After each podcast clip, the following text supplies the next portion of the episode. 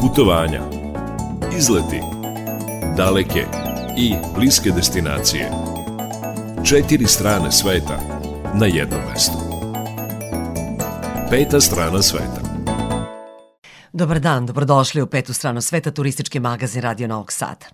Danas vas vodimo na Dunavsku ekskurziju, govorit ćemo o arheološkom lokalitetu Lepenski vir, na tom mestu koje se danas nalazi blizu Donjeg Milanovca u Đerdapskoj klisuri, ljudi su živeli pre šest i po hiljada godina. I zaista to možete da vidite kako je izgledalo ukoliko posetite Lepenski vir i ukoliko ste radoznali, želite da istražujete. Drugi deo emisije posvetit ćemo jednoj veoma neobičnoj zemlji, Reč je o Tadžikistanu. To je zemlja očaravajućih prirodnih lepota. To prvo kažu oni koji su boravili u toj zemlji. Kažu da je ona prekrivena pustinjama, visokim planinama i glečerima. Ona ima plodna polja pamuka, ima reke i planinske jezera. Teritorija te države je jedna od najranijih ljudskih postojbina, a nalazi se u centralnoj Aziji. Graniči se sa Afganistanom, Kinom, Kirgistanom i Uzbekistanom. Do 18 časova sa vama će biti muzički urednik Srđan Nikolić, majstor tona Damjan Šaš, ja sam Irina Samopjan. Želim vam da uživate u ovoj petoj strani sveta. I kao da je bilo nekad, i kao da je bilo tu, pod velikim svetlim suncem, pod velikim svetlim slodom, ručali smo meso, glodali smo kosti, dobrih životinja. Mi imamo snage, mi imamo snage za još dan. Mi menjamo dan za noć, mi menjamo noć za dan. Mi menjamo dan za noć, mi menjamo noć za dan. Prolaze brodovi, trube u čast, zvone na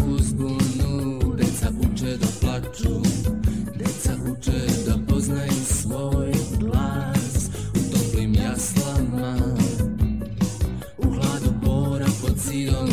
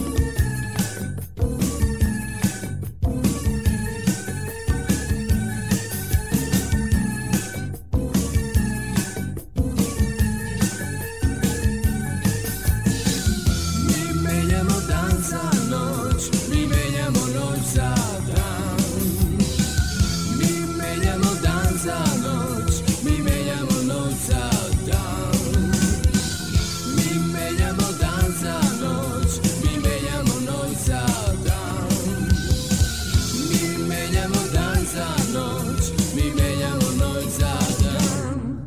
Prolaze brodovi, Trube u čast, zvone na uzbunu Deca uče da plaču, deca uče da poznaju svoj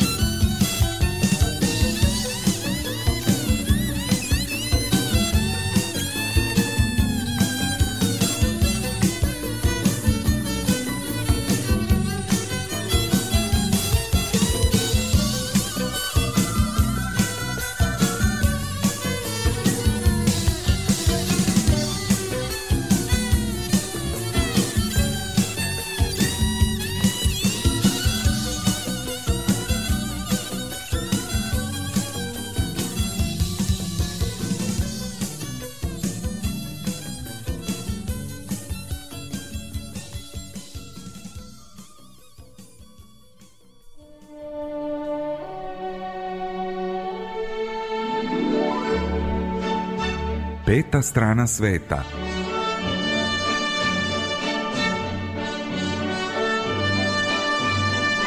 Na Dunavskoj ekskurziji.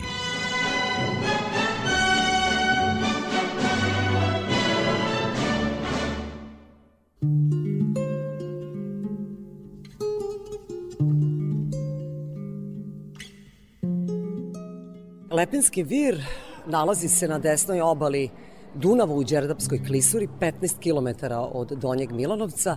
To je arheološko nalazište, praistorijsko arheološko nalazište koje je u našoj zemlji otkriveno te 1965. godine na našu sreću i na sreću arheologa koji sada imaju šta da otkrivaju i na sreću svih posetilaca koji vole da vide kako su nekada ljudi živeli na ovim prostorima.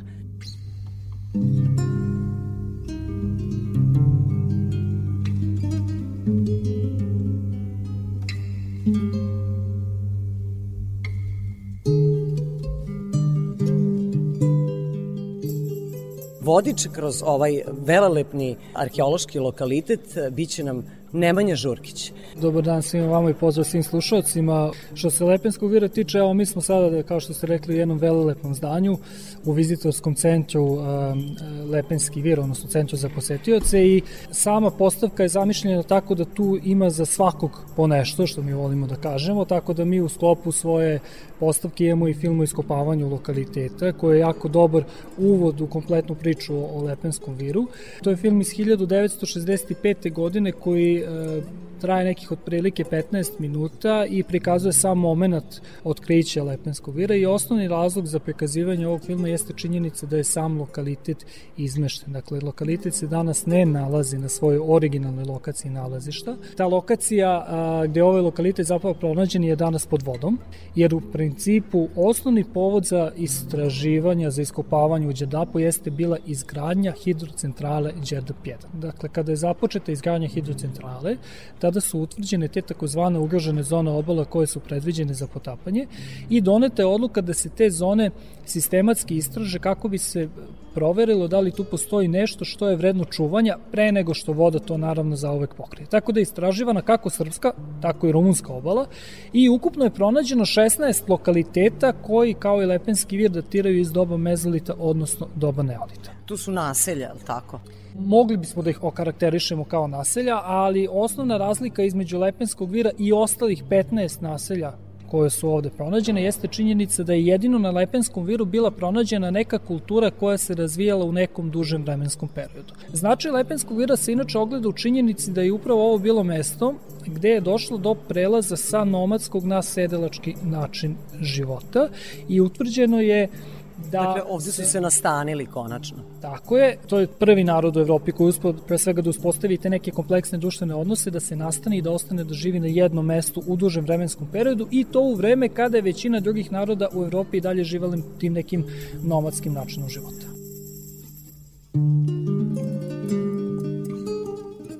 A o kojem mi to vremenu pričamo? Dakle, koliko je stara kultura Lepenskog vira? Kultura Lepenskog vira se kao takva ustalila negde oko 6500. godina pre nove ere i nakon toga je na ovom mestu trajala čitavih 2000 godina, tako reći sve negde do 4500. godine pre nove ere. Mada tokom iskopavanja ovog e, lokaliteta kojima je rukovodio profesor Dragoslav Srejović, došlo se i do otkrića ostataka koji potiču iz perioda čak 8000 godina pre nove ere. Peta strana sveta.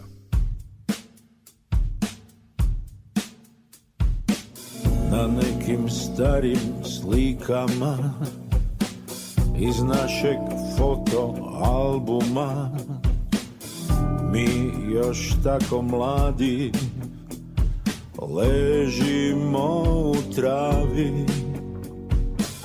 Ti brojiš točke bubamari Pogled moj te zaljubljeno bari. Na mom licu glasno piše Da sam ludo sretan Sretan da će život svoj Živjeti uz mene Dok ne ostanem bez tragova i sjene.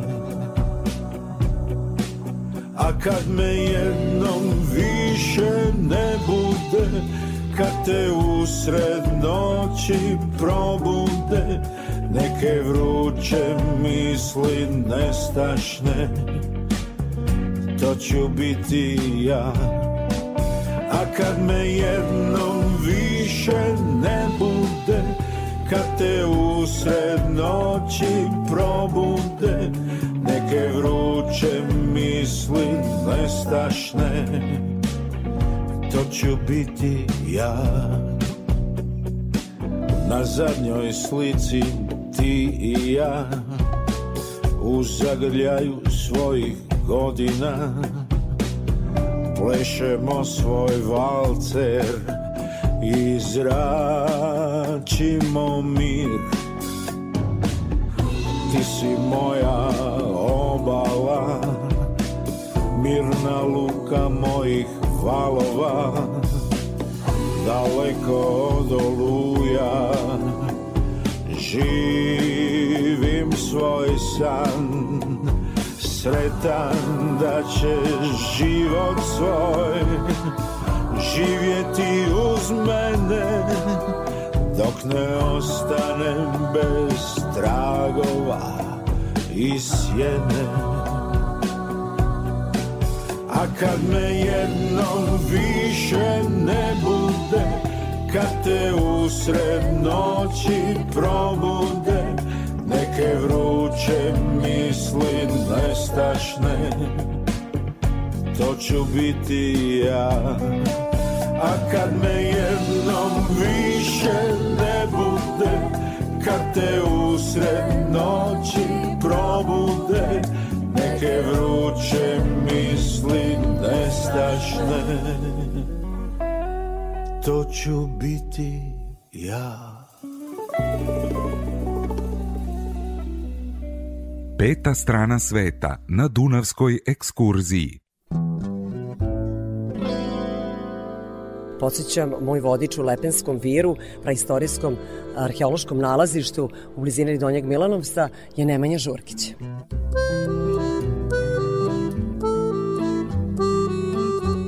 Kao centralna atrakcija čitavog turističkog prostora Lepenski vir, naravno, nameće se sam lokalitet Lepenski vir. I ono što se nalazi na samom lokalitetu jesu ostaci tih kuća, odnosno ostaci tih naselja koje su nekada ovde postojala.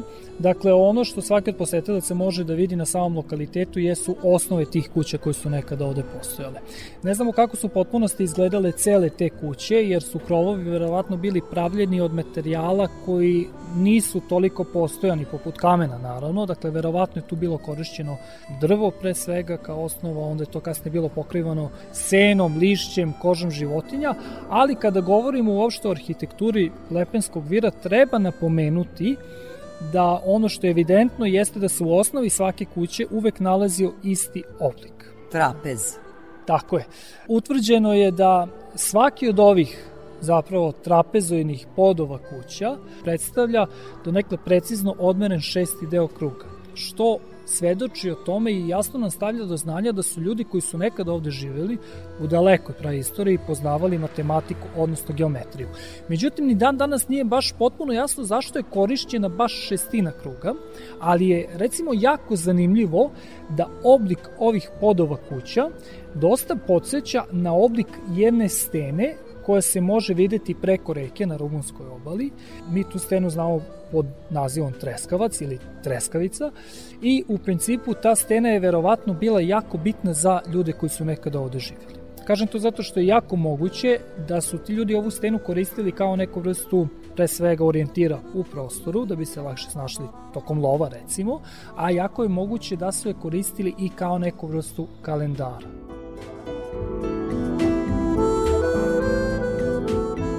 Ono što je jako zanimljivo jeste da 21. juna kada i počinje letnji solstici naravno, sunce u ranu zoru, negde recimo oko 6 časova, izlazi direktno iznad te stene, što označava početak leta i moguće da su nekadašnji stanovnici Lepenskog vira ove prilike mnogo bolje poznavali od nas, bilo im je jako bitno da da mogu da odrede ta godišnja doba ili da mogu da odrede kada je recimo pravo vreme za lov na jelene ili kada recimo moruna i jesetra, ta morska riba dolazi u ove krajeve da se mesti i verovatno su upravo zato sve njihove kuće sa ulazom bile okrenute baš ka Dunavu, odnosno uglavnom baš ka toj steni.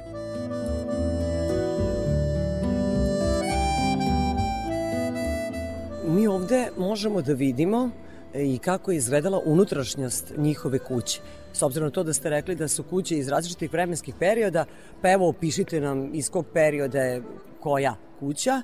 Zapravo mi sad ovde ne vidimo zidove tih kuća, vidimo samo, jel, Samo samo, osnovu. samo osnovu kuće, pod, što ukazuje na trapezoidnu strukturu. Čime su one bile ispunjene? Evidentno je da je ognjište bilo na sredini kuće. Tako je. E, Pa ako uporedimo pre svega ove ostatke koje imamo pred sobom, e, eto, napomenuli smo već da ovdje, imamo neke različite vremenske periode, različite slojeve. A, Prvi zaključak do koga možemo doći ako uporedimo osnove kuće jeste da nema nekih bitnih razlika, sem recimo veličine, odnosno površine samih kuća. Površina kuće kretala se negde od 6 do nekih 25 kvadrata otprilike, što nam govori da u tim kućama moglo živeti negde od dvoje pa do možda čak šestoro uh, osoba, s tim što naravno treba napomenuti da a, su ti ljudi ove kuće koristili verovatno samo kao neku vrstu zaštite od nevremena da bi, ili da bi tu naravno prespavali, da bi, da bi obedovali i treba napomenuti da je njihov život zapravo bio na polju uz te neke svakodnevne aktivnosti koje su oni obavljali.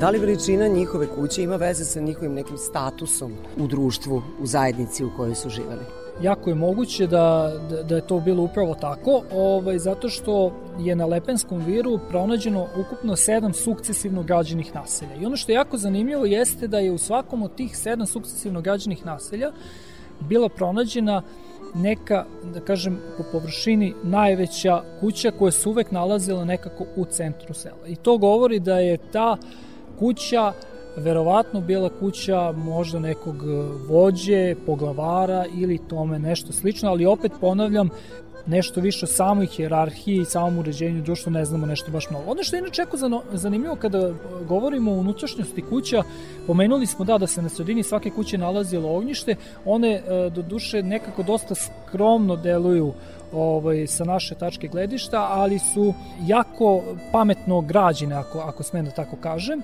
Pre svega ono što se prvo da primetiti kada pogledamo ove podove jeste da su oni uvek bili crvene boje. To nije slučajno tako. Da, ja sam to primetila, ali prosto nisam znala da li ste vi to možda ofarbali ili svuda je ista boja, a iz različitih perioda su kuće. Tako je. Osnovni razlog uopšte za, za ovu crvenu boju jeste činjenica da su nekadašnji stanovnici Lepenskog vira svoje podove prekrivali mešavinom neke crvene gline koje se mogle naći ovde u, u, u okolini i a, sitne krečničke stene koje su mešali sa vodom i nakon toga nanosili glačanjem na, na sam pod i tu se dobijao neki sloj od par santimetara koji ima neku čvrstinu poput možda čak današnjeg betona, a istovremeno u neku ruku ima i jako dobra izolaciona svojstva. Baš zbog te gline koje ovaj, dosta poprima toplotu, danas zapravo mnogi u šali govore da je ovo i mesto da je izmišljeno ovaj podno grejanje. Tako da, tako da ova, a i ko ne bi volao eto, da se šeta stalno po tom crvenom tepihu. i Da, tako dalje. lepo izgleda za Ali, ali eto, činjenica jeste da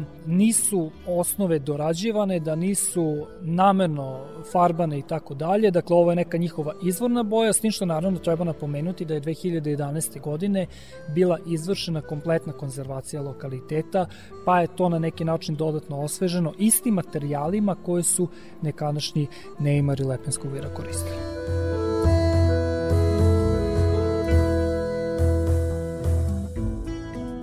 Da, ja sam i pomislila da ta crvena boja zbog konzervacije da bi se bolje sačuvao taj originalni materijal, ali ne, zaista je to bila ta crvena glina i čuli smo eto da je imala ta svojstva da, da, da greje i da bude suv patos. Tako je.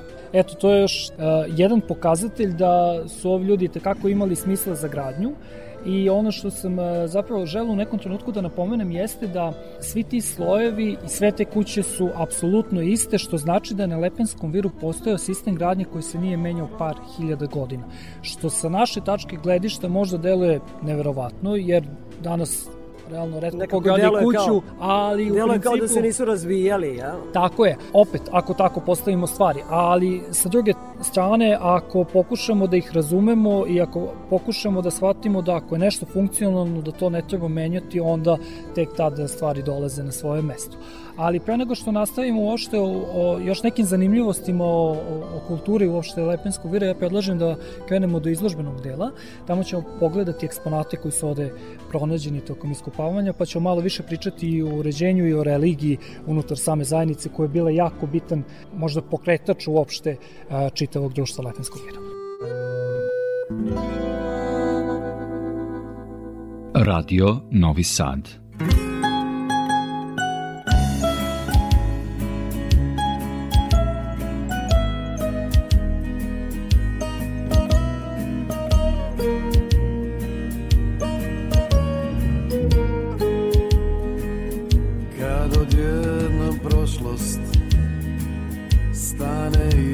Ispred tebe. Ako je ti pustiš Ščepaće te lako. Ti je tada samo Oteraj od sebe Jer je ona mrtva i ostaće tako. Ti je tada samo oteraj od sebe Jer je ona mrtva i ostaće tako. Kad odjednom nisi srećan sam sa sobom i umisliš sebi da ti vreme stoji. to duhovi prošlosti.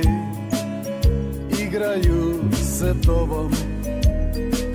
Zovu te na mesto što više ne postoji. To duhovi prošlosti igraju se tobom. Zovu te na mesto Što više ne postoji Ti duhovi prošlosti Lukavi demoni Mame te u prošlost Unazad te vuku. Ne daj da ti misli pokidaju oni. Ne dozvoli da te sećanja Ne daj da ti misli pokidaju oni. Ne dozvoli da te sećanja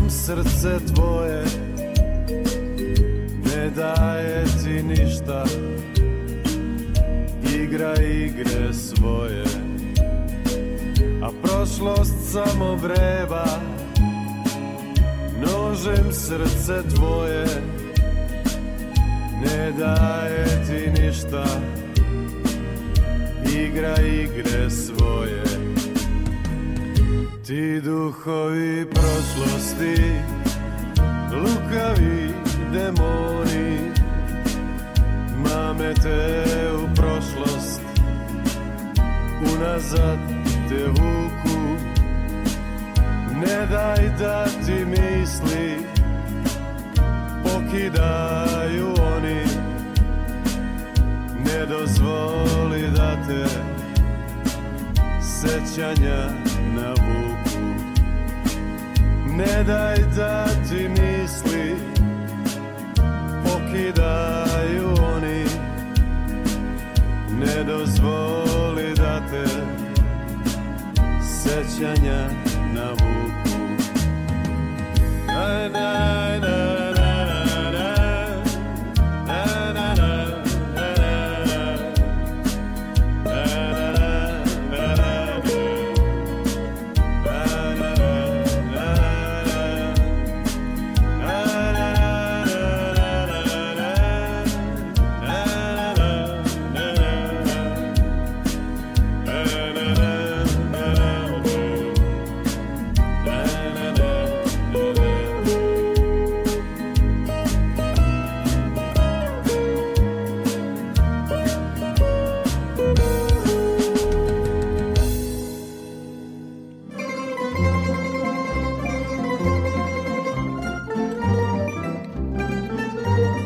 Dunavska ekskurzija.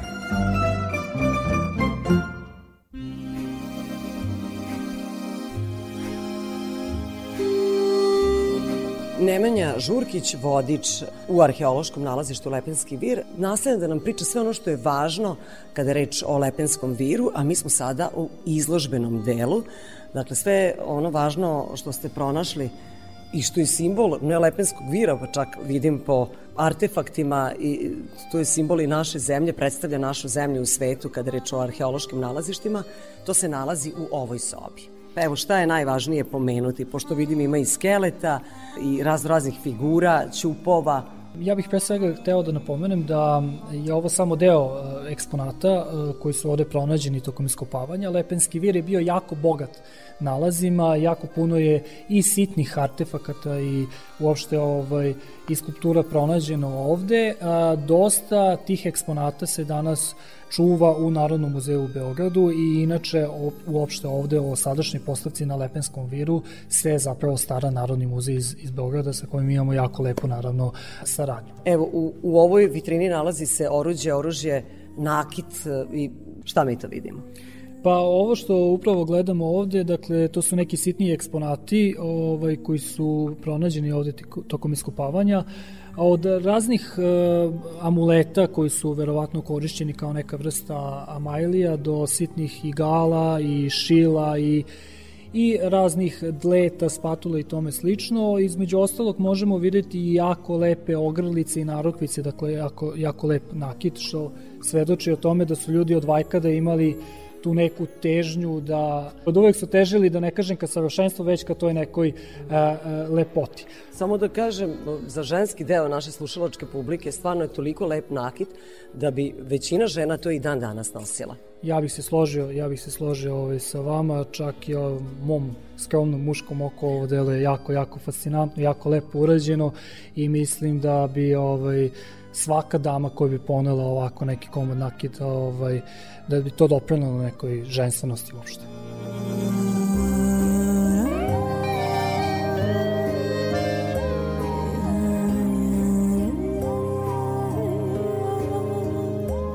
Mi smo završili sad sa razgledanje predmeta u prvoj vitrini. Šta nas čeka dalje u ovoj izložbenoj postavci? To su neizostavne skulpture koje su pronađene ovde tokom iskopavanja i koje su na neki način e, postale da kažem zaštitni znak Lepenskog vira ili bar nešto po čemu je Lepenski vir e, prepoznatljiv kako kod nas tako i u Evropi pa i u svetu zapravo i tu razlikujemo neke dve osnovne grupe skulptura.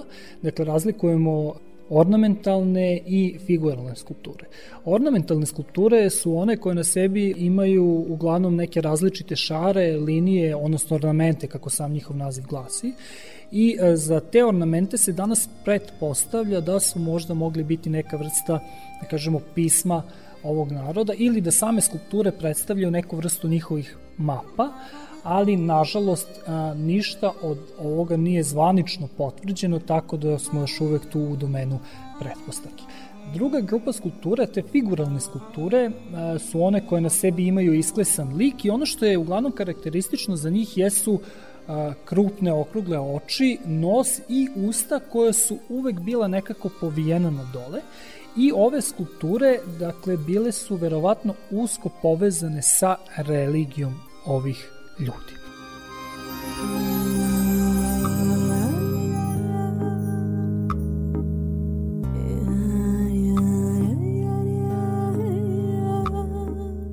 Znali se zbog čega su te skulpture imale baš okrugle oči i usta povijena na dole. Mene čak podsjećaju na usta ribe. Tako je, dakle u principu kada govorimo o kulturi Lepenskog vira, ja sam negde napomenuo da je ova kultura trajala nekih 2000 godina u kontinuitetu nekih pod navodnicima, to nam tako deluje nestvarno i zaista je nepojmljivo vratiti se u to vreme i zamisliti kako je sve to izgledalo, ali sa današnje tačke gledišta mi taj period od 2000 godina delimo na neke dve kraće faze, odnosno delimo na mezolitsku i neolitsku e, fazu i tu ima jako velikih razlika u načinu života ovih ljudi, pa tako i u samim verovanjima i shvatanjima ovih ljudi. Prva faza, odnosno takozvana mezolitska faza, trajala je u periodu od 6500. do 5300. godine pre nove ere otprilike i u tom periodu ovi ljudi su se najviše bavili ribolovom. Dosta su se bavili i lovom, naravno, i prikupljanjem plodova. Živeli su kao jedna klasična lovačko-sakupljačka zajednica, ali treba napomenuti da je tada u njihovoj ishrani čak i do negde 70% bila zastupljena riba. I upravo iz tog razloga je verovatno među njima postojalo neko verovanje da u Dunavu žive možda neka božanska bića koja su spoj čoveka i upravo ribe naravno, koje ih čuvaju i štite, koji možda zapravo i donose svu tu hranu koja je njima potrebna da bi opstali i upravo su verovatno zato oni klesali ove kamene skulpture koje su inače uglavnom postavljali unutar kuća, uglavnom negde u blizini samog ognjišta Kao, kao, neke verovatno zaštitnike. kao moguće neke toteme i uopšte zaštitnike kuće i zaštitnike porodice. Ali ono što je inače jako zanimljivo sada kada govorimo o religiji jeste da ova religija, iako je bila jako, jako bitna, iako je možda bila neki glavni pokretač u samoj zajednici i možda, da kažem, terala svakog pojedinca da obavlja svoj deo posla kako bi čitava zajednica opstala, a, ova religija se promenila ne, ne oko 5300. godine pre nove ere. Tada je započeta ta neka druga faza u njihovom životu, takozvana neolitska faza, i ovi ljudi su tada sem lovom i ribolovom počeli da se u nekoj manjoj meri bave i zemljoradnjom. Dakle, Jel imamo da neke skulpture koje govore o zemlju. tom periodu života? Upravo ćemo sada eto, krenuti ka delu koji zapravo predstavlja tu neolitsku uh, fazu. Pre nego što pogledamo te skulpture koje smo pomenuli, ja bih samo voleo da napomenem da je taj prelaz iz mezolita u neolit na Lepenskom viru da se ovde odigrao jako brzo. Negde samo oko 200 godina je njima bilo potrebno da promene način života, odnosno tu neku svoju, da kažem, osnovnu delatnost i ta neka svoja osnovna zanimanja, da promene religiju, pa i način sahranjivanja pokojnika. Inače, tada je ljudima za takve promene uopšte u samoj zajednici bilo potrebno čak i do 1000 godina. Ovde se to odigralo u 200 godina, tako da je to ovde nazvano neolitskom revolucijom. Da li se baš zbog toga ovo arheološko nalazište, preistorijsko arheološko nalazište, razlikuje od svih drugih arheoloških nalazišta? U neku ruku može se tako reći, taj takozvani prelaz i ta takozvana e, neolitska revolucija, to je jedan raritet. Redko gde imate lokaliteti i kultura uopšte gde možete da ispratite gde je pre svega kultura toliko trajala, 2000 godina na istom mestu, a i gde imate takve jako velike prelaze iz mezolita u neolit i gde možete tačno da ispratite te promene u samom društvu.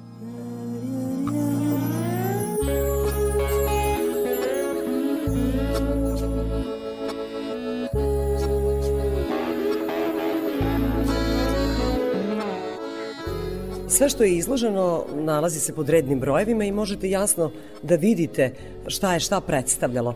Recimo jedna anegdota jeste da pod brojem 28 ovde možemo videti jedan žrtvenik, jer su ovi ljudi, dakle, tokom života koji su proveli ovde, unutar samih kuće imali neke žrtvenike ili od kamena ili kasnije od pečene zemlje, ali kao što možete videti, on dosta podsjeća na današnje pepeljare. I to je često pitanje koje se nama ovde postavlja, Tako je. kako mi znamo da je to bio žrtvenik, da li je to možda A zapravo šta su oni tu žrtvovali?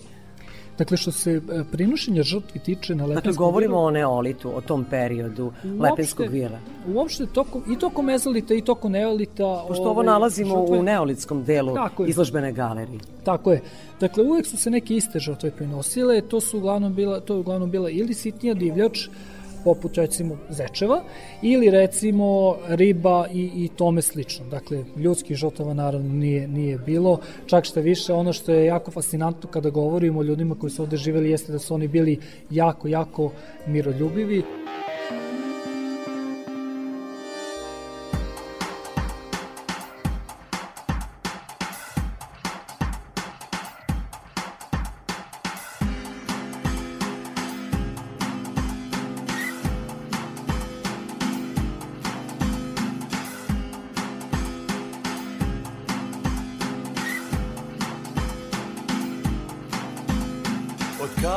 Letove, pretražite oblake i panika nek sjedne na prijesto. Zaustavite putnike i namjerne i slučajne, ali ostavite jedno mjesto, mjesto za dvoje, što ljube se u mraku. Mjesto gdje samo ljubav miriše Mjesto za dvoje što ljube se u mraku. Mjesto gdje samo ljubav miriše.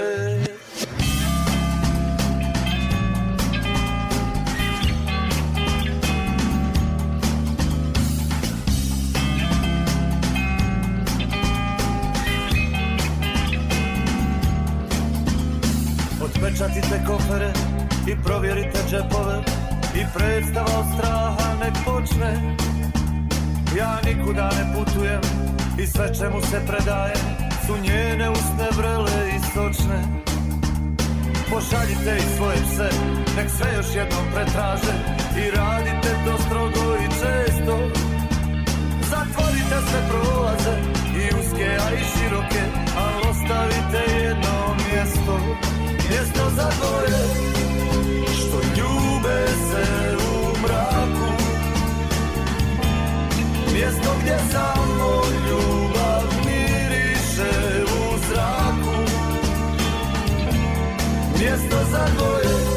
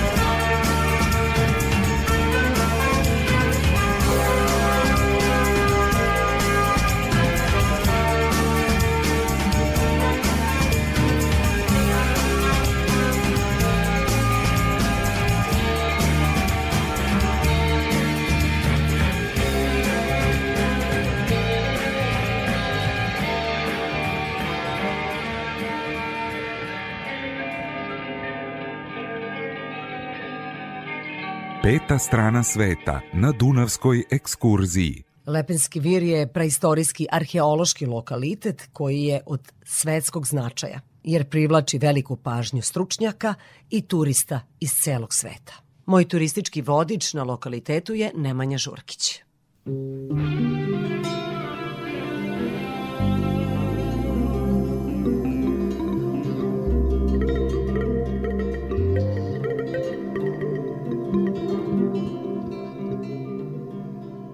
Već ste napomenuli da su imali drugačije božanstva i drugačije sahranjivanje, drugačiji način života. Pa evo konkretno sad da doznamo. Pa e, što se uopšte neolita tiče, šta se tu sada dešava? Dakle, kao što smo rekli, a, ovi ljudi su sem lovom i ribolovom počeli da se u nekoj meri bave i zemljoradnjom. Prva i osnovna promena u nekim njihovim osnovnim aktivnostima jeste da su oni počeli da se bave i grunčarijom. Dakle, počeli su da a, sada proizvode ove fascinantne vaze. Tako je, koji su im pre svega bili potrebni kako za pripremu, tako i za čuvanje i skladištenje te hrane koju su sada sami proizvodili. Što se a, skulptura tiče, na neki način, nažalost, ove fascinantne ribolike skulpture na neki način padaju u drugi plan, ako mogu da se tako izrazim. One- Gube se, više ne prave. tako, prestaju da se, da se bave tim skulpturama i onda počinju da se bave nekim dosta manjim figurinama, poput ove koje imamo ovde, figurine od pečene gline. Ove, To su veoma male figurine. koje su uglavnom bile, bile jako male, ali ovo je jedan od konkretnih znakova koji pokazuje da se religija a, u tom trenutku a, promenila. Naravno, a, pored e, zemljoradnje, ovde i dalje možemo videti da su tu zastupljeni i dalje udice, e, ribolov i riba uopšte i dalje igra jako veliku ulogu u njihovoj e, svakodnevnici, u njihovoj ekonomiji, ako mogu da tako kažem, ali očigledno je da dolazi do nekih jako velikih promena i još jedna jako velika promena koja se odigrala u tom trenutku ovaj, jeste promena načina odnosno položaja sahranjivanja njihovih pokojnika. To je naredni segment kojem prilazimo.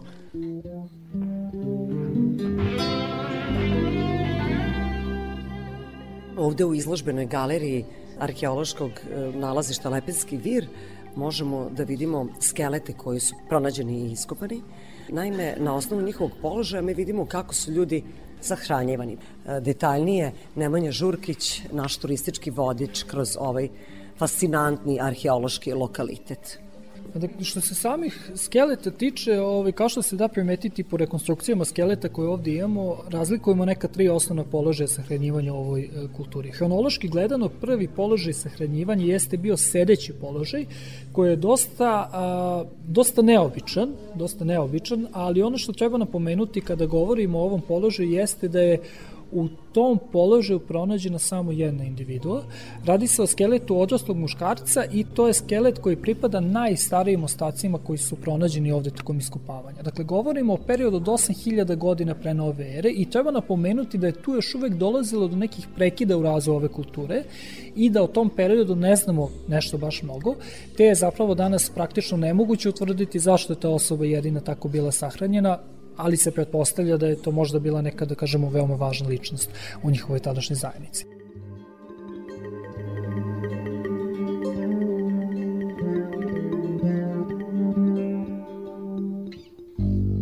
Sledeći položaj sahranjivanja, opet kažem hronološki gledano, jeste a, opruženi položaj koji je bio praktikovan tokom doba mezolita. U toj mezolitskoj fazi već sam napomenuo da je nekako sve bilo podređeno pre svega ovim ribolikim božanstvima, odnosno sve na neki način bilo podređeno i vezivalo se za samu reku, odnosno za Dunav. Upravo zato oni su tada svoje pokojnike sahranjivali u opruženom položaju sa rukama pokraj tela. E, Uglavnom su ih Kao što postavljali i danas tako. sahranjujemo pokojnika. Jeste, Nešto ima slično. dosta sličnosti s tim što je jedina ovaj kuriozitet, ako mogu da tako kažem, jeste da, s- da je većina skeleta koji su pronađeni u ovom položaju, dakle da su bili postavljani paralelno sa tokom Dunava i to sa glavom postavljanom gotovo uvek nizvodno. Što donekle govori da je možda postojalo neko verovanje da će na taj način Dunav možda poneti kao neka velika životna sila jednostavno da će poneti Dušu dušu, pokojnika, pokojnika tako da. na neko bolje mesto. Na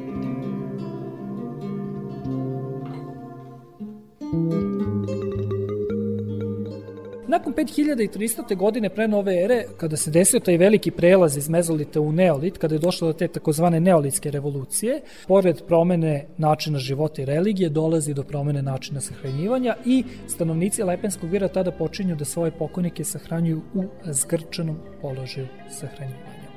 To je veoma To je- neobično, prosto ne znam da, da, da su još neki ljudi tako sahranjivali svoje Pa u pokojnike. principu, uh, po nekim mojim saznanjima, ovaj, da kažemo, fetusni položaj sahranjivanja jeste do nekle karakterističan za te neke zemljoradničke kulture i po nekim saznanjima koje ja imam, ovaj položaj se čak i dan danas koristi u nekim kulturama i plemenima zapravo u Africi. Postoji više verovanja vezano za sam ovaj položaj. Jedan, prvi i osnovni jeste da će u ovom položaju pokojnici na onom svetu imati neku da kažem sigurnost da će biti zaštićeni, kao što i dete naravno u majčinom stomaku, a, a drugo verovanje jeste verovanje u reinkarnaciju i činjenicu da kako si na ovaj svet došao, da isto tako treba i da odeš, pa ćeš se možda opet negde ponovo roditi.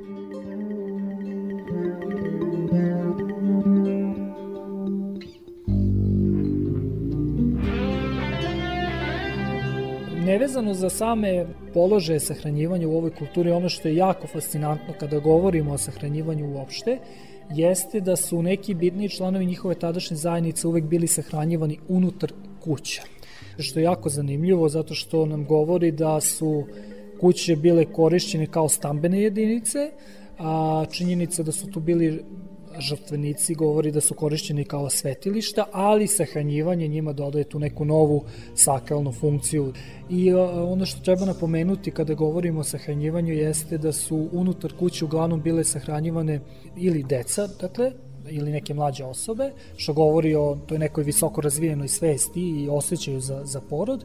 I tu su takođe spadale osobe koje su doživele neku duboku starost.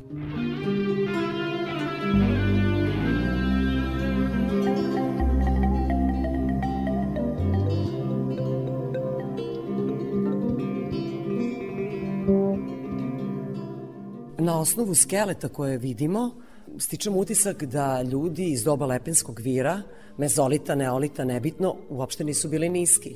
Tako je, po skeletima koji su pronađeni ovde tokom iskopavanja utvrđeno je da su ovi ljudi bili dosta, dosta visoki ili bar u neku ruku dosta više u odnosu na ostale ljude koji su živeli u, na teritoriji tadašnje Evrope, ako mogu da tako kažem.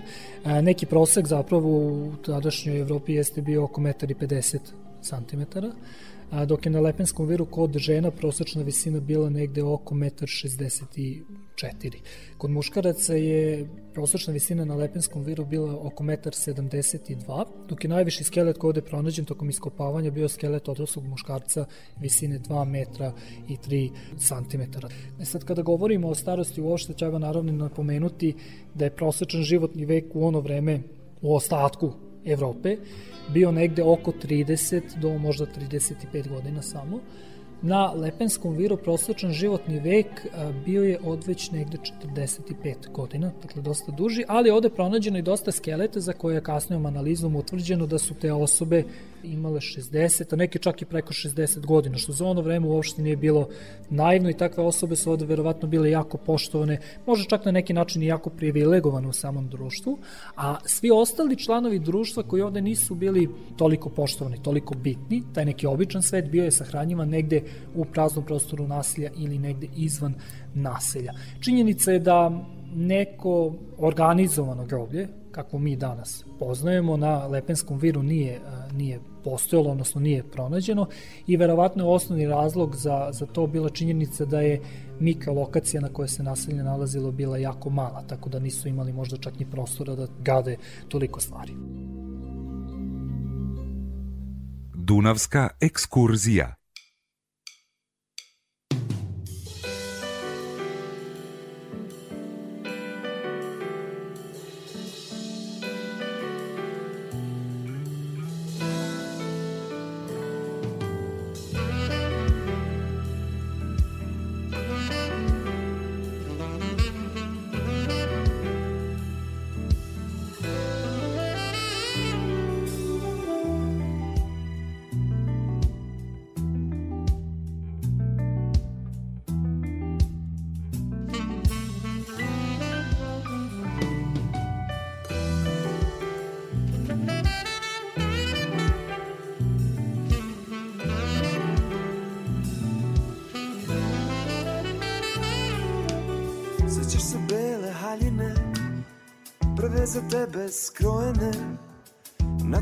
šesti rođendan su te slikali u njoj. I ta je slika zarobljena Sa stotine drugih uspomena. Redko se iz ishabane kutije izvlači. Sećaš se starih vozova Majčinih lakih pogleda. Igara sa sestrama tvojih očiju punih sunca. Vreme je zatamnilo plave pramenove Još ih i usivilo Takvi su i sad. Kolevka puna sećanja Uspavanih od vremena. Vučeš je poput kofera Kad prođeš pored nas. I sad ti sunce nose mi. Niko drugi ne svata se njih Šta si izgubila? Vreme se ne vraća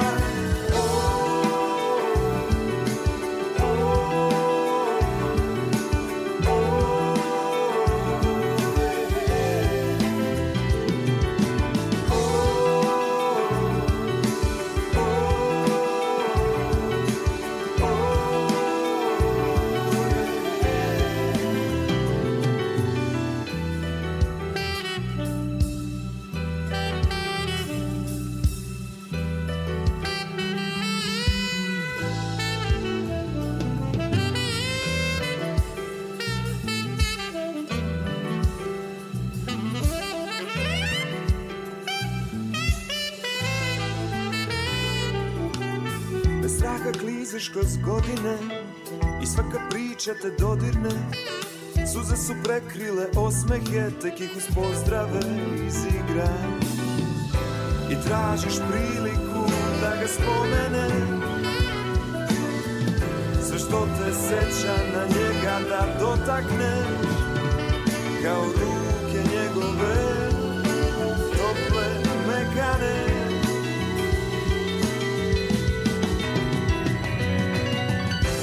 сати сунце носе мире. Никој други не свата се не. Што си изгубила, време се не враќа.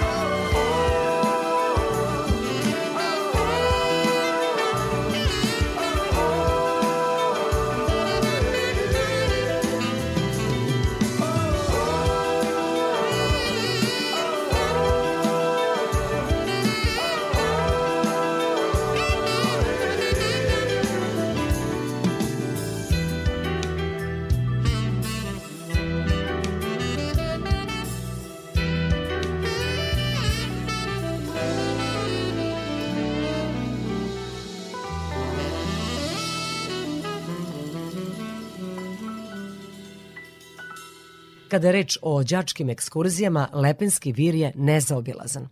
Kako osnovnoškolcima približiti kulturu Lepenskog vira i o tome su mislili na arheološkom lokalitetu.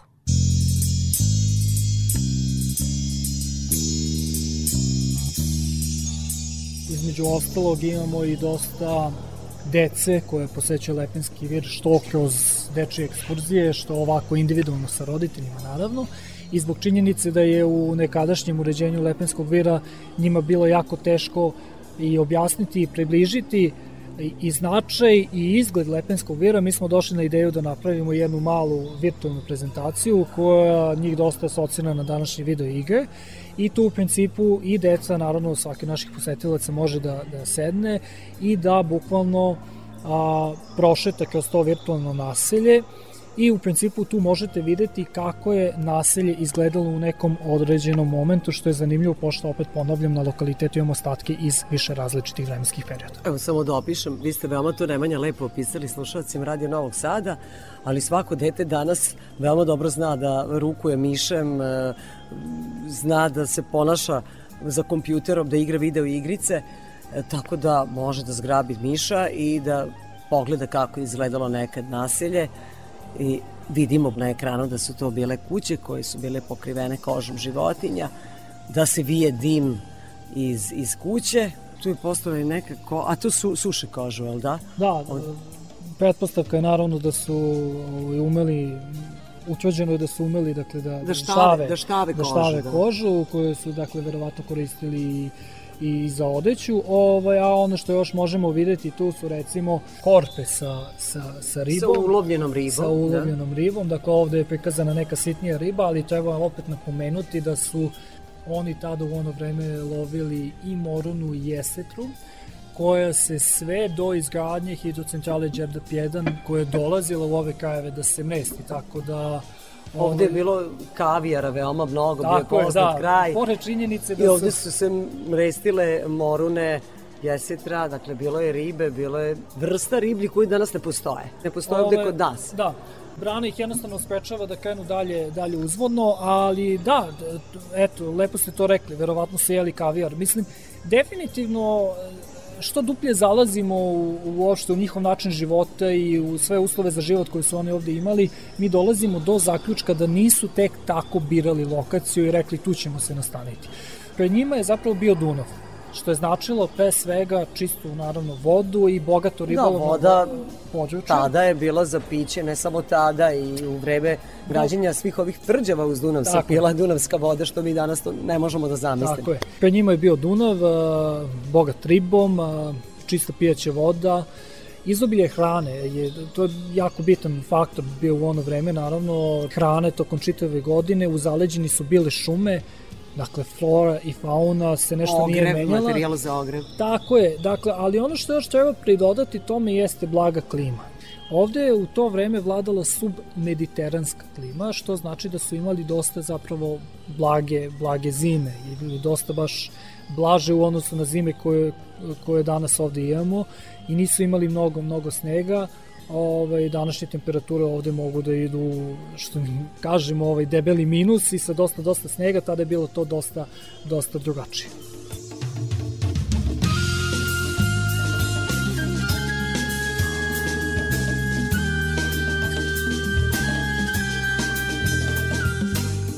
Sve što možemo da pogledamo u arheološkom nalazištu Lepenski vir u ovom vizitorskom centru, sve se nalazi u ovoj jednoj velikoj prostoriji koja je natkrivena.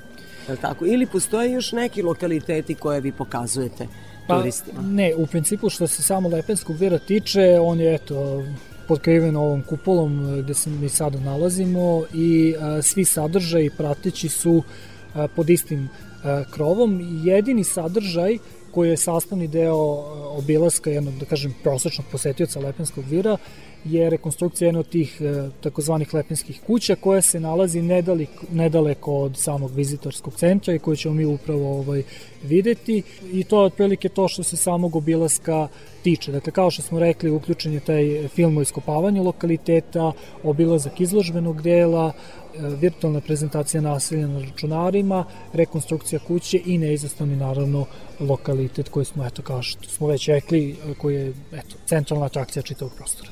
Evo, sad idemo još da vidimo rekonstrukciju kuće e, koja je pronađena na području Lepenskog vira. Tako je. Peta strana sveta na Dunavskoj ekskurziji.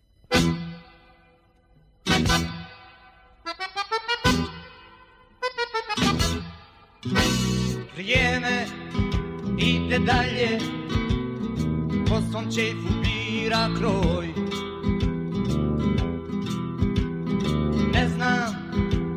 me šalje Ovaj život moj. A vrijeme ide dalje Osjećam se jače i jače.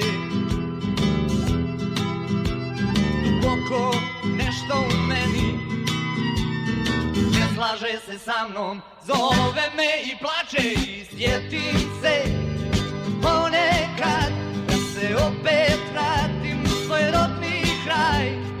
Tamo me čekaju svi I majka i drugovi. I sjetim se ponekad Da se opet vratim u svoj rodni kraj. Tamo me čekaju svi I majka i drugovi. A vrijeme ide dalje. Po svom čefu bira kroj. Ne znam kud me šalje Ovaj život moj. A vrijeme ide dalje. Osjećam sve jače i jače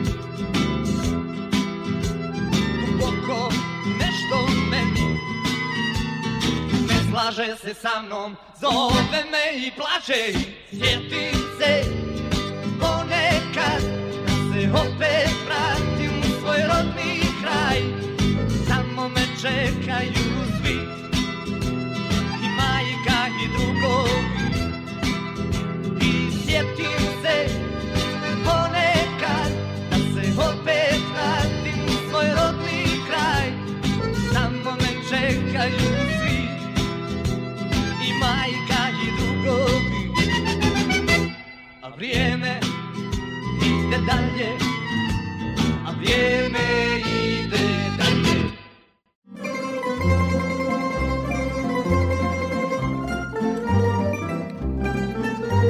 Dunavska ekskurzija.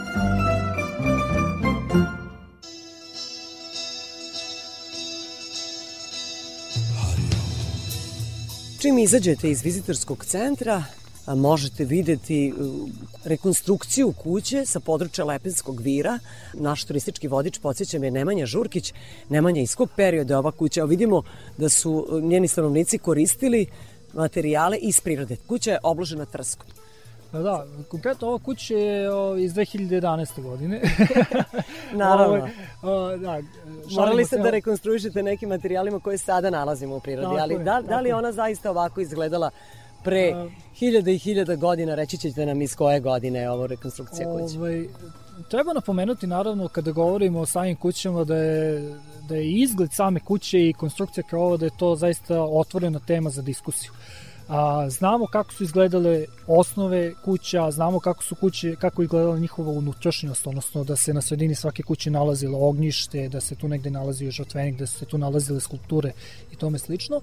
Ali kada govorimo o tom krovnom pokrivaču, ne znamo nešto baš mnogo, zato što su verovatno bili korišćeni ovi materijali poput drveta. Dakle, verovatno je to bila neka drvena konstrukcija koja je kasnije bila pokrivana materijalima poput recimo ove trske koje možemo videti pred nama ili recimo štavljenom kožom ili lišćem, granjem i tome slično. Naravno, svi ti materijali se nisu očuvali, ništa od njih nije ostalo, tako da ne znamo pre svega koji su tačno to materijali bili korišćeni, niti znamo kakvog je tačno tačno oblika bila cela ta kuća i zato kažem da je u suštini izgled Lepenske kuće i dalje tema koja je otvorena za diskusiju i ja stvarno moram da napomenem da se ovom temom danas uh, kod nas bave pre svega mnogi arheolozi, mnogi arhitekte, ali i mnogi jednostavno ljudi koji nisu ljudi iz neke od tih struka, mnogi lajci ili jednostavno zaljubljenici u arhitekturu ili uopšte u Lepenski vir, tako da neko moje lično mišljenje je da mi zapravo da je teško da ćemo ikada uspeti da ustanovimo kako je tačno ta kuća zapravo izgledala.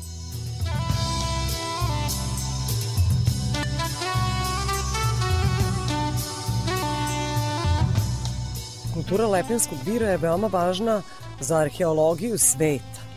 Dolaze li e, naučnici iz celog sveta da vide kako izgleda ovaj lokalitet? Da li se oni bave kulturom Lepenskog vira i vama pomažu da, da je otkrijete što bolje? Pa da, Lepenski vir je kao tema, bar po nekim mojim saznanjima, zapravo neizostavna tema na, na mnogim prestižnim evropskim pa i svetskim univerzitetima. I a, pošto mi generalno imamo dosta kako domaćih posetilaca, tako i stranih posetilaca, dosta smo često u kontaktu sa njima i zapravo uvek volimo i da pitamo da li su ikada čuli za Lepenski vir, odakle su čuli i kako su došli do ikakvih saznanja o, o, o ovoj temi.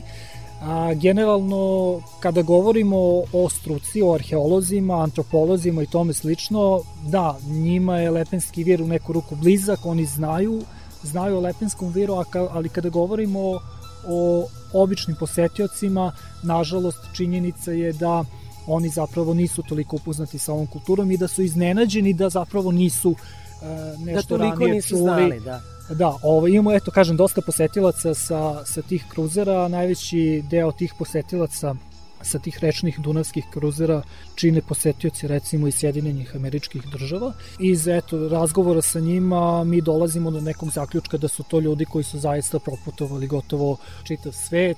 I da su obilazili slične svašta. lokalitete. Tako je, i onda im je zapravo e, toliko čudno e, zašto nisu čuli za, za Lepenski vir, ali uvek e, sa Lepenskog vira odlaze prepuni utisaka i oduševljeni uopšte i fascinirani svim informacijama koje su, koje su dobili.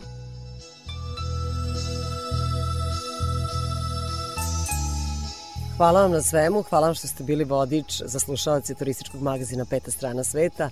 Želim vam sve najbolje. Hvala vama što ste bili naši gosti. Dođite nam ponovo i eto pozivamo i pozdravljamo sve slušalce ovaj naravno i pozivamo ih sve da da da dođu da obiđu Lepenski vir, ali da pored Lepenskog vira zapravo obiđu čitavo donje Podunavlje, istočnu Srbiju uopšte koji te kako ima šta šta da pruži, šta da pokaže pored ovakvih fascinantnih bisera arheologije, dosta ovih nekih prirodnih lepota, tako da o hrani da ne govorimo naravno, ali eto, šta da kažemo, dakle, kad god došli, vi ste dobro došli. Praistorijsko arheološko nalazište Lepenski vir pokazao nam je i predstavio nam je Nemanja Žurkić.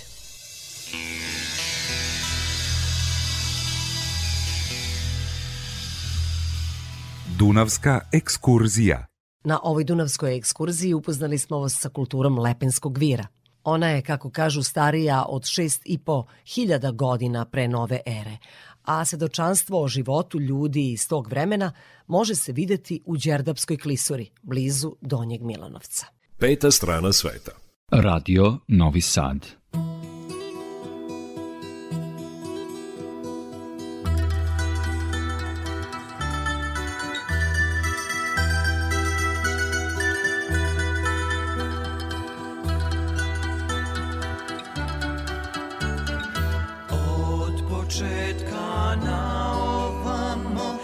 Se menja neprestano Zato mnogo snage treba da se krene sve do neba. Zato mnogo snage treba da se krene sve do neba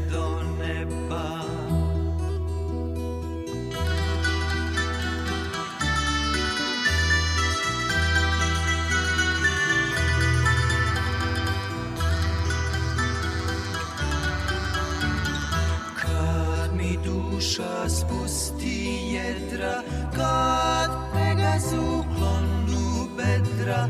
Eto meni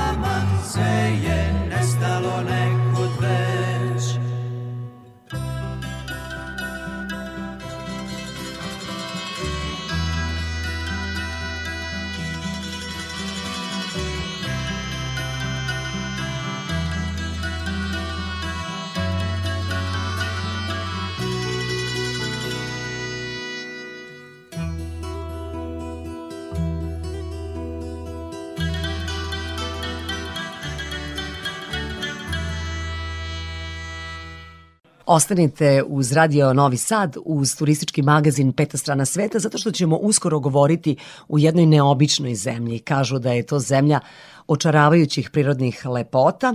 Reč je o državi Centralne Azije, planinskom Tadžikistanu.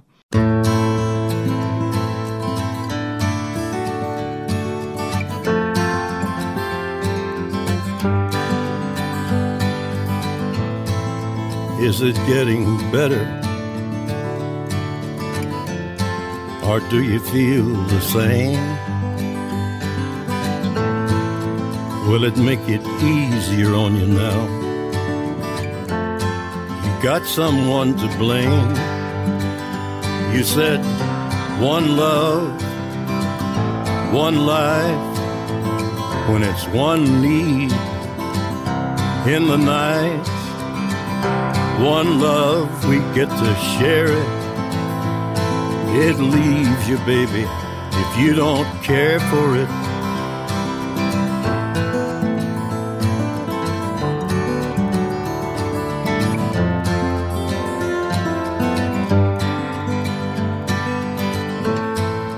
Did I disappoint you?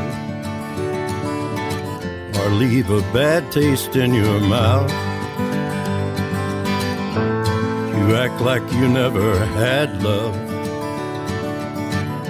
And you want me to go without. Well, it's too late tonight to drag the past out into the light. We're one, but we're not the same. We get to carry each other, carry each other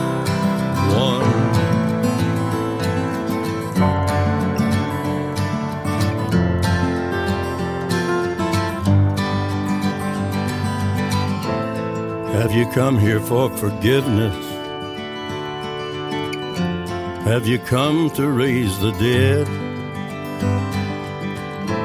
Have you come here to play Jesus?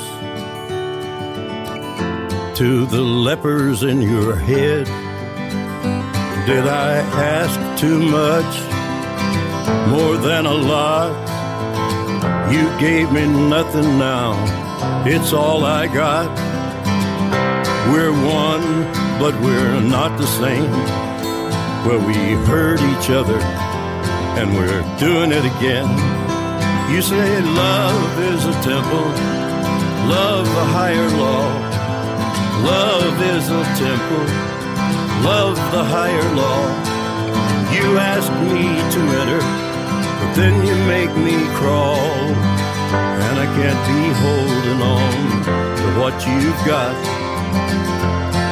When all you've got is hurt, one love, one blood, one life, you've got to do what you should. One life with each other, sisters, brothers.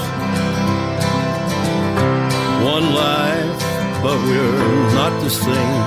We get to carry each other carry each other one.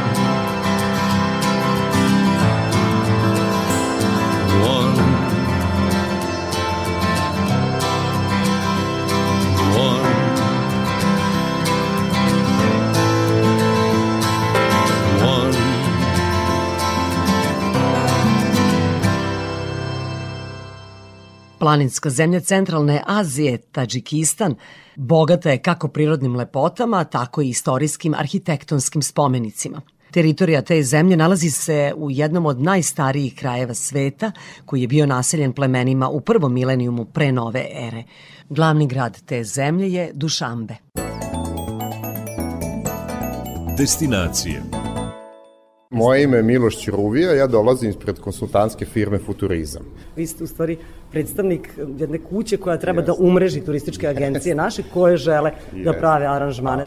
Naš je zadatak praktično da povežemo turističke agencije dve zemlje kako bi oni jel da, dalje krenuli u poslovanje, da malo prikažemo Srbiju i pre svega u ovom smislu Vojvodinu, jer njima je to potpuno onako nova sredina, interes nam je da naši gosti, jel da, odnosno naši turisti idu u Tadžikistan i naravno da ljudi iz Tadžikistana i centralne Azije dolaze u Srbiju. A, ovom prilikom smo hteli da prezentujemo ono što su dve agencije uradile na jednom velikom projektu, gde su obuhvatile ceo Tadžikistan i napravile četiri velike rute, da tako kažem. Projekat je finansirao USAID i država Tadžikistan i ovom prilikom je u suštini napravljen jedan spoj zemlje koja je tek u razvoju u turističkom smislu kako bi mogla da se prezentuje na drugim tržištima, pre svega balkanskom tržištu, odnosno Srbiji. Da li su građani Tadžikistana zainteresovani da vide Srbiju? Pa vidite, ovako, njima je, njima je Srbija onako zaista neka neotkrivena destinacija. Ajde kažemo i ceo Balkan, ali smo krenuli od Srbije s obzirom da je to naš interes, tako da a, ima zaista interesovanja, pre svega za naše banje, to nam je onako jedan, jedan kor koji, na koji ćemo najviše i raditi, s koji ćemo najviše i raditi, s obzirom da njihovi gosti upravo to i traže, ali oni su nekako planinska zemlja, tako da te stvari im ne nudimo kao takve, nego više nudimo ove ravničarske, kao što je ovaj naš vojvođanski ručak i pokušavamo da im približimo neku našu kulturu življenja. A, dosta je ljudi iz Tadžikistana, ali moram da podvučem i ostalih zemalja u okolini s kojima kompanije rade, tako da očekujemo turiste iz Uzbekistana, iz Kirgistana, nije samo Tadžikistan u pitanju. A, trenutno su dve turističke agencije iz Tadžikistana i oni su u suštini došli, direktori agencija i došli su njihovi vodiči. Praktično su oni ti koji će nam približiti te njihove nove ture i pokušati da nekako naprave jedan spoj da se to približi našim ljudima, Pogotovo su interesantne te planinske hiking ture koje su kod njih veoma, veoma razvijene u tom smislu, pa imaju vrhove preko ovaj, 6000 metara, tako da za naše planinare i ljude koji vole hiking zaista su izvrsna destinacija. Druga stvar, veoma su dostupni, znači preko Istanbulskog aerodroma se ovaj, leti direktno za Dušambe, tako da ta veza u suštini postoji, mnogo su radili na viznom režimu, oni su bili dosta zatvorena zemlja, moram da kažem do sada, tako da sad je praktično moguće zaista turistički putovati i videti jednu, jednu zemlju centralne Azije. Kada je reč o cenama, da li je Tadžikistan dobar za naše turiste? Možemo li mi da, da odemo tamo, da ocednemo, da jedemo u njihovim restoranima i da onako imamo pun tretman? Pa, ako bismo sada ovaj, pričali o cenama, ja ću vam reći samo jednu stvar, a to je da o, nisu skuplji od Srbije, čak su jeftiniji. A, pre svega smešteni kapaciteti. Do duše moram da, da, da, da, da kažem jednu stvar, pogotovo kod hiking tura, to je smeštaj u planinarskim domovima i tako dalje, koji su izvrsnog kvaliteta, ali prosto u tim predelima nema hotela. Sada se razvija i taj neki ruralni smeštaj i upravo smo na nekoj e, relaciji da im pomognemo da to razviju na najbolji mogući način, s obzirom da su te grupe uglavnom male, znači do desetak, petnaestak ljudi, tako da može da se smeste i u autentičnu kuću kod nekog domaćina da, da vide kako izgleda zaista stvarni život ljudi u Tadžikistanu. Ima li sada već e, oni koji su zainteresovani da posete Tadžikistan i ima li onih naravno iz Tadžikistana koji žele da vide Vojvodinu? Ima ljudi koji su zainteresovani, ja mislim da ćemo mi prvu grupu preko ovaj, nekoliko agencija koji su se već interesovale dovesti već negde polovinom februara meseca. Hoćemo da iskoristimo kako mi, tako i oni ovaj la, COVID deo, odnosno COVID period da se ovaj više promovišemo, da se upoznamo sa drugim kulturama i sa onim što ovaj Uh, oni mogu da ponude, a naše nekako zaduženje, da tako se izrazim, da praktično njima pokažemo Srbiju u ovom nekom kratkom vremenu, ostaju samo, nažalost, četiri dana, a, kako bi oni mogli da povežu svoje agencije iz Tadžikistana, da nam jel da, upute pozive i da kreiraju aranžmane za Srbiju. Da ispričaju šta su videli kod nas. Jeste upravo to.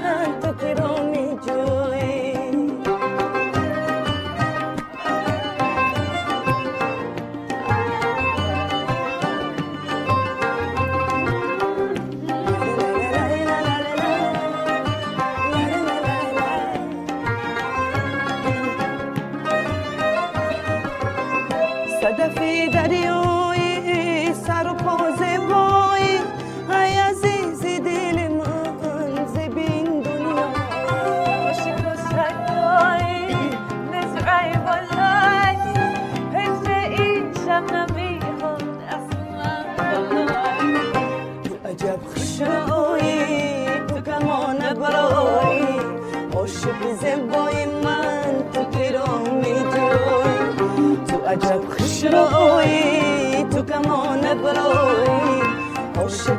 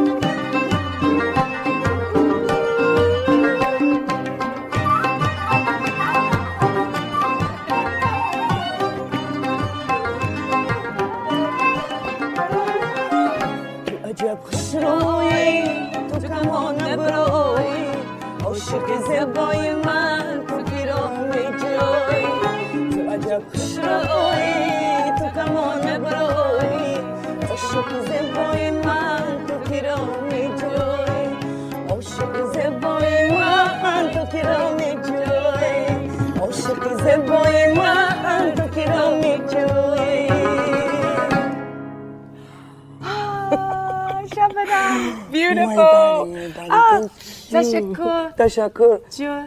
Canıma. Canıma. Peta strana sveta. My name is Umeda. I am the head of travel company Javohir Tour in Tajikistan. Uh, one of the new our development, this is in history, is happening in 21 first century. You know, this is new international development for new itineraries. For Tajikistan, and we try to collaborate full Tajikistan and show you which kind of potential we have. Ona se zove Umeda, dolazi iz Tadžikistana, iz agencije Jevlej, koja je uh, jedina i velika agencija koja je radila sada na ovom velikom projektu da prikažu Tadžikistan u nekoliko ruta i uh, praktično Tadžikistan kao zemlja sada kreće u, raz, u taj, da kažemo, turistički razvoj i ovo je jedan od prvih projekata tog tipa u Tadžikistanu. Which kind of tourism we have? It starts from ecotourism, trekking, jeep tours, historical, and uh, when you will arrive to Tajikistan, you will find the uh, footstep of the Great Game, uh, the Silk Road, and Alexander Macedonian. Tadžikistan inače e, je zemlja koja može da se pohvali sa ekorutama, pre svega zaista moram da kažem hiking rutama, jer su im planine fantastične, e, jeep turama i ono što je interesantno to je da e, ceo Tadžikistan praktično sada kreće u, u taj razvoj. Ovo je prilika da se vidi neki život u Tadžikistanu, ajde tako kažem. Our country is 94% is all covered by mountain. The smaller one is started from 1,500 meters till 7,495. Cela zemlja je praktično na jednom velikom planinskom platovu, tako da startuje sa nekih 1500 metara do preko 7000 metara planinskih venaca. U ovom COVID, da kažemo, periodu su praktično krenuli u taj, da kažemo, turistički razvoj. Uh, also, our country is uh, very close to you. So, agriculture is also, we have many kind of fruits, and uh, we had the hot springs, which is come down from the stone and uh, have special uh, medical for the health, you A, know. Ume da kaže da su nam zemlje slične. Možda ne po ovaj, morfologiji terena, ali su nam slične zato što uh, dosta rade na, na proizvodnji voća i Vojvodina je da kao jedna ravnica sa, sa, i žitnica i naš deo ovaj, centralni u Srbiji koji proizvodi voće, tu ona vidi jed, jel da, jednu sličnost. Isto tako, veoma mnogo imaju toplih izvora, njihovi ljudi su navikli na, na, na banje, odnosno na taj spa turizam, tu se praktično traži jedan link a, zajednički.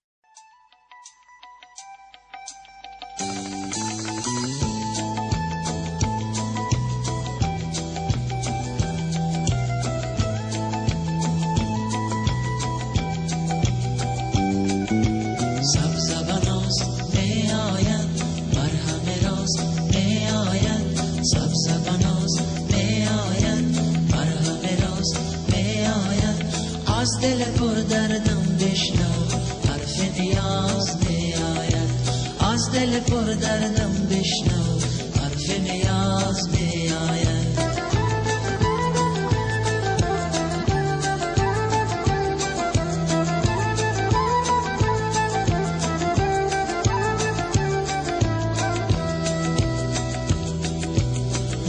همان روزی که میرم پیش خانه سبز و ناز می آید همه راز می سری راحت و زلفت کرد شانه سبز و ناز می آید بر همه راز می آید در اینجا وقت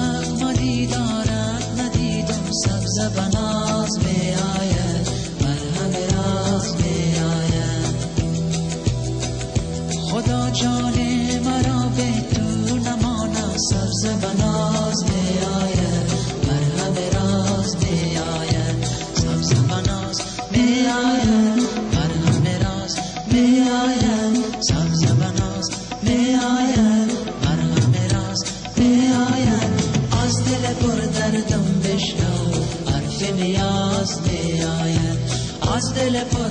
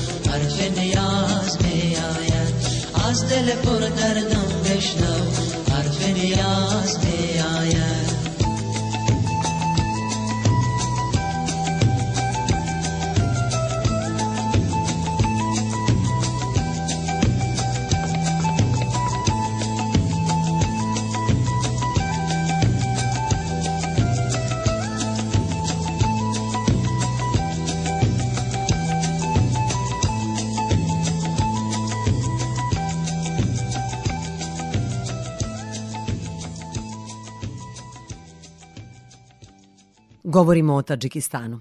Koje su glavne destinacije u toj zemlji nabraja nam Umeda Kurbanbekova, koja je direktorka tamošnje najveće turističke agencije.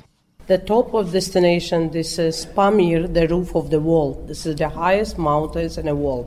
Njihove glavne destinacije su upravo ono što smo i rekli, da visoke planine kao što je Pamir, koja je pored Himalaja, najviši vrh, ja mislim, preko 7000 metara, a, zatim Fan planina, kako je oni nazivaju, koja je veoma ovako kolorativna a, zbog stena koje se nalaze u, u njoj i naravno ta Victorian Lake, ko, odnosno jezero Victoria koje je uh, veštačko jezero, ali se nalazi na, njima je jako značajno s obzirom da im donosi praktično vodu za te, ceo Tadžikistan. Ono što je interesantno to je da su oni praktično u centru puta svile i da neka istorija puta svile praktično može da se vidi, na, a, ako se gleda na jednom mestu, može da se vidi samo u Tadžikistanu. Ostala mesta su povezana sa tim, ali kako se put svile razvijao, on može da se vidi ovaj, u jednoj zemlji, a to je Tadžikistan. In Tajikistan, the main transit road and the Silk Road. So it's the we are bordering with the China, Pakistan, Afghanistan. Afghanistan, you can see about after this small river, and then uh, China, Pakistan, Afghanistan, Uzbekistan, Kyrgyzstan, and Kazakhstan. It's very close to us. Centralna pozicija njihova je praktično bila na glavnom putu svile, ima ih više, ali ovaj centralni deo je a, okolina, zemlje s kojima se oni graniče su Kina, Pakistan, Kirgistan, Afganistan, Uzbekistan. Uzbekistan. Tako da centralni taj deo Tadžikistana omogućava i pravljenje ruta u okolnim zemljama. I oni, njihov razvojni projekat u budućnosti će biti da obuhvate i druge zemlje, tako da deo projekta će ostati da živi, znači ove rute koje su sada uradili, a u sledećem procesu, praktično u sledećoj fazi projekta će oni obuhvatiti i ostale zemlje Centralne Azije. The main uh, introducing tour we have city tours, which is starting from the capital, and the smaller, smaller uh, In Dushanbe. Yes, yes, and the smaller, which is very close to us. This is the Alexander Great Lake. And Pa there ono što bi is, uh, preporučilo u also you svakom can do slučaju glavni grad Dušanbe, o, kao i svaka predstavnica, tako i njihova, ima dosta pre svega tih kulturnih objekata, sakralnih objekata, jezero Aleksandra Velikog, koje je za njih veoma značajno zato što se tu Aleksandar dugo zadržao i ostavili su dosta stvari za koje su sad Tadžikistanci veoma ponosni. Imaju raznovrsne ture, znači od tura 3, 4, 5 dana pa do tura koje traju 21 dan. Sa tim velikim turama, da se tako izrazim, je zaista moguće obići ceo Tadžikistan, videti neke delove koje nisu uobičajeni, odnosno nisu tako turistički promovisani, zato su upravo i radili tu kombinaciju kratkih i dugačkih tura za jel da, različite o, ciljne grupe. Peta strana sveta.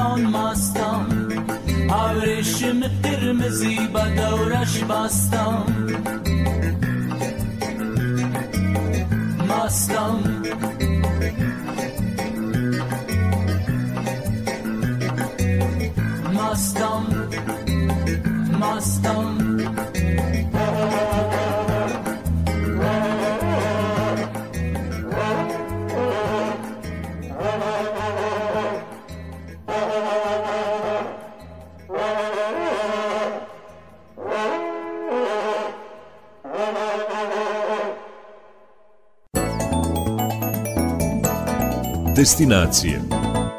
I u nastavku pete strane sveta govorimo o turističkoj ponudi Tadžikistana. U toj zemlji hleb ima veliku vrednost. Four big regions. Everywhere our clothes is uh, Different. different, and our music, our style, our traditional. This is also difference. You can understand. For example, you will see the bread, but the four region, everyone do it by them, and the test will ch- will be different, and uh, dancing and uh, dresses also. So when we see the lady with the traditional dress, we know from which region she is. Imaju četiri različite praktično regije u zemlji. Svaka regija je specifična za sebe.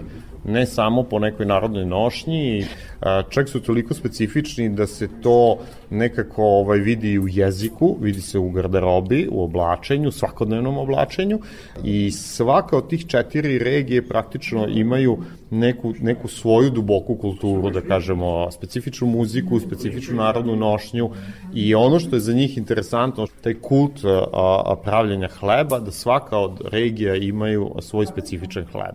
Kod njih je običaj da vam za poklon kada dolaze kod vas u kuću praktično donesu hleb. Posebno ako idete u drugu regiju. Yes, this is because the bread is the main main things, and we are always uh, in our tradition, in our national, we have like this status. So the guest is from the God, and after God, this is the main things. This is bread, and when this bread is traveling two, three borders, so it will be very so how I can say angel bread. So he's through some borders and eat this. It's and before to eat this, we are full think about some dream and then test it and it come true. like this we have. A kod njih, kažem, toliko je razvijen taj kult hleba praktično, da je zaista prestiž kada nekom odnesete hleb, posebno ako ste iz druge regije, to nekako gledaju da je hleb praktično božanski dar, tako da ga i gledaju kao da je hleb nešto prvo ispod Boga, da se tako izrazim njima je motiv da hleb prelazi granice i što više granica pređe, on praktično dobije taj neki, oni to zovu anđeoski, nosi svoju dušu sa sobom, da se tako, Tako reći, hleb je za njih turistički proizvod. Nosi Jeste, se u kao, slučaju. kao Jeste, dar. Jeste, uvek se nosi kao dar, posebno kada idete, na primjer, ono što bismo mi kod nas rekli rođendane, neke različite proslave i tako dalje, uvek se nosi hleb i uvek se nosi hleb posebno ako idete u neki drugi grad. Znači, kad bismo mi sad išli u Beograd kod svojih rođaka, sigurno bismo im odneli novosadski hleb, jer se svi razlikuju. Razlika u ukusu hleba je u različitosti regija od nadmorskoj visini. Drugačije ga prave, znači drugačiji je proces proizvodnje, drugačiji je vazduh, što je za hleb jako, jako bitno, i on prosto ima drugčiji ukus. I onda je njima prestiž da vam donesu hleb praktično iz druge regije. And in Syria, as we live in very high mountains, there is always cold. So at, at those times we have not enough uh, products for, for example, potato in mountain is not grown up. So bread, that things which is always when we eat with the soup and full day we cannot be hungry. And our all brave, brave guys which is playing in sports till now trusting. So this is the. Uh, which are left from our another people who was before. Uh, how many brave uh, sportsmen we have? This is bread. We can eat bread with a butter. We can eat this with a soup. We can eat this with everything. So this is maybe for. we uh, respect bread so much because in those time only bread when it was hungry everywhere only bread can save us and the man can eat one times in a day and full times not eat anything so it's very saving monies Yeah. of family S obzirom da su visoke planine, da oni tamo ne mogu da proizvedu hleb, onda je tako i krenuo taj kult hleba. S jedne strane, druga, druga stvar je slično kao i kod nas u planinskim predelima, gde praktično uz hleb možete da dobijete neku sitost i kod njih je tradicija, juče smo bili na, na, na večer, oni su supu, o, našu domaću bačku supu, jel da, ovaj, tražili hle, hleb, zato što oni prosto hleb jedu uz apsolutno svaki, svaki obrok. A, dobro im je zato što im daje snagu, a, jer su to onako dosta, dosta teški tereni, da kažemo, I i za život, krajevi, i hladni krajevi, i onda je taj kult hleba kod njih praktično građe, nešto slično kao i kod nas, da, ako gledamo celu Jugoslaviju bivšu, ove, gde u ruralnim predelima, pogotovo Karsta i tako dalje, imate praktično taj jedan kult hleba koji se gradi upravo zbog toga što je to namirnica koja može da vas zasiti, da kažemo, Da. za ceo dan. A što su nama doneli ovde kada reč o, o njihovoj hrani da predstave, da nam pokažu? Da, oni su nam praktično, naravno, doneli su nam hleb, a, doneli su nam sušen dud, a, doneli su nam pistaće njihove i doneli su njihove bade e, i sušeno grošće. And what is this? Uh, this is leblebija? this is from what we are grown out the bread Pšenica. Je pšenica. Pšenice i leblebija. and Da. we this cook fried with the oil and it's very interesting for Which oil, which oil? Di- didn't matter as you want if you have not oil without oil that's very good little bit of water and salt Za ove ovako prilike oni praktično prže pšenicu. To je, na primjer, nešto što mi ne, radimo, jel da? Mi kuvamo, na primjer, žito, Jeste, jeste. e, koljivo, slavsko. Da, da, da. Oni ga, oni ga, i tako ga i konzumiraju. Mislim, kod nas nije Grickaju tradi, ga. da, da, praktično kao, As you kao, know, we use meat also very much. So this is sheep, cow, and we use too much the uh, meat and milk. A, Bread, takođe, milk, meat. takođe ovaj, dosta koriste meso, najčešće od ovce i od krave, i mleko i mlečne proizvode. Znači, to je nekako neka osnova njihove ishrane svuda na celom Tačikistanu. Znači, svaka regija ima neke svoje specifičnosti, odnosno svoje neke ajde da kažemo, drugačije, drugačije recepte. Kad se obiđe ceo Tačikistan, onda se dobije taj kolorit u hrani. Peta strana sveta. O turističkoj ponudi Tadžikistana govorila je Umeda Kurbonbekova, ona je direktorka kompanije koja je povezala tadžikistanske turističke agencije koje su osmislile turističku turu za građane naše zemlje. Sa njome tesno sarađuje direktor firme Futurizam, to je firma koja se bavi konsultingom u turizmu. On se zove Miloš Ćoruvija, a on je takođe bio i prevodilac. Radio Novi Sad.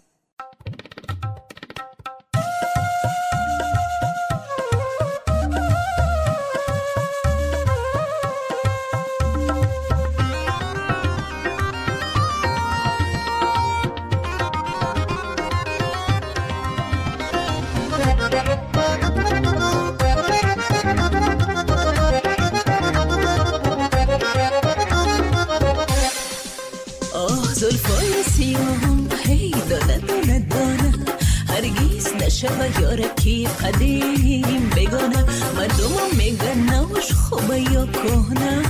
های نوش چی کنم جفا کشیده کهنه مردم میگن نوش خوبه یا کهنه. های نوش چی کنم جفا کشیده کهنه نوش چی کنم جفا کشیده کهنه هی.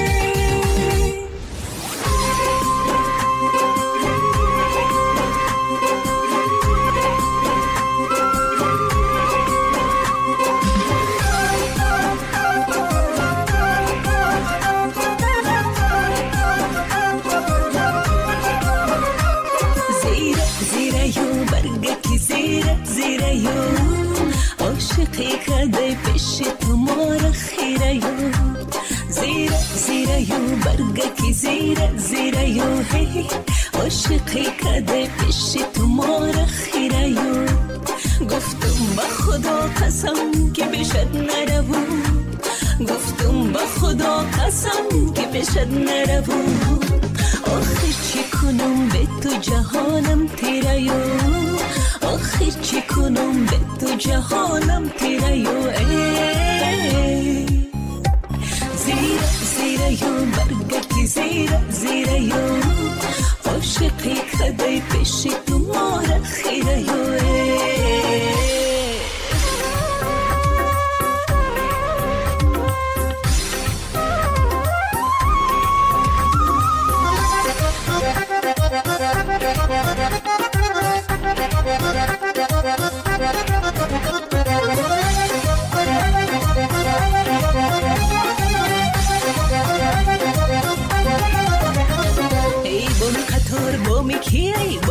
خودم کمزل گلی نهار یاری کی ای یاری خودم کمزل گلی نهار کمزل تبیار لزوم تا دور قیامت در حقت مسوزم کمزل گلی نهار کمزل تبیار لزوم تا دور قیامت در حقت مسوزم مسوزم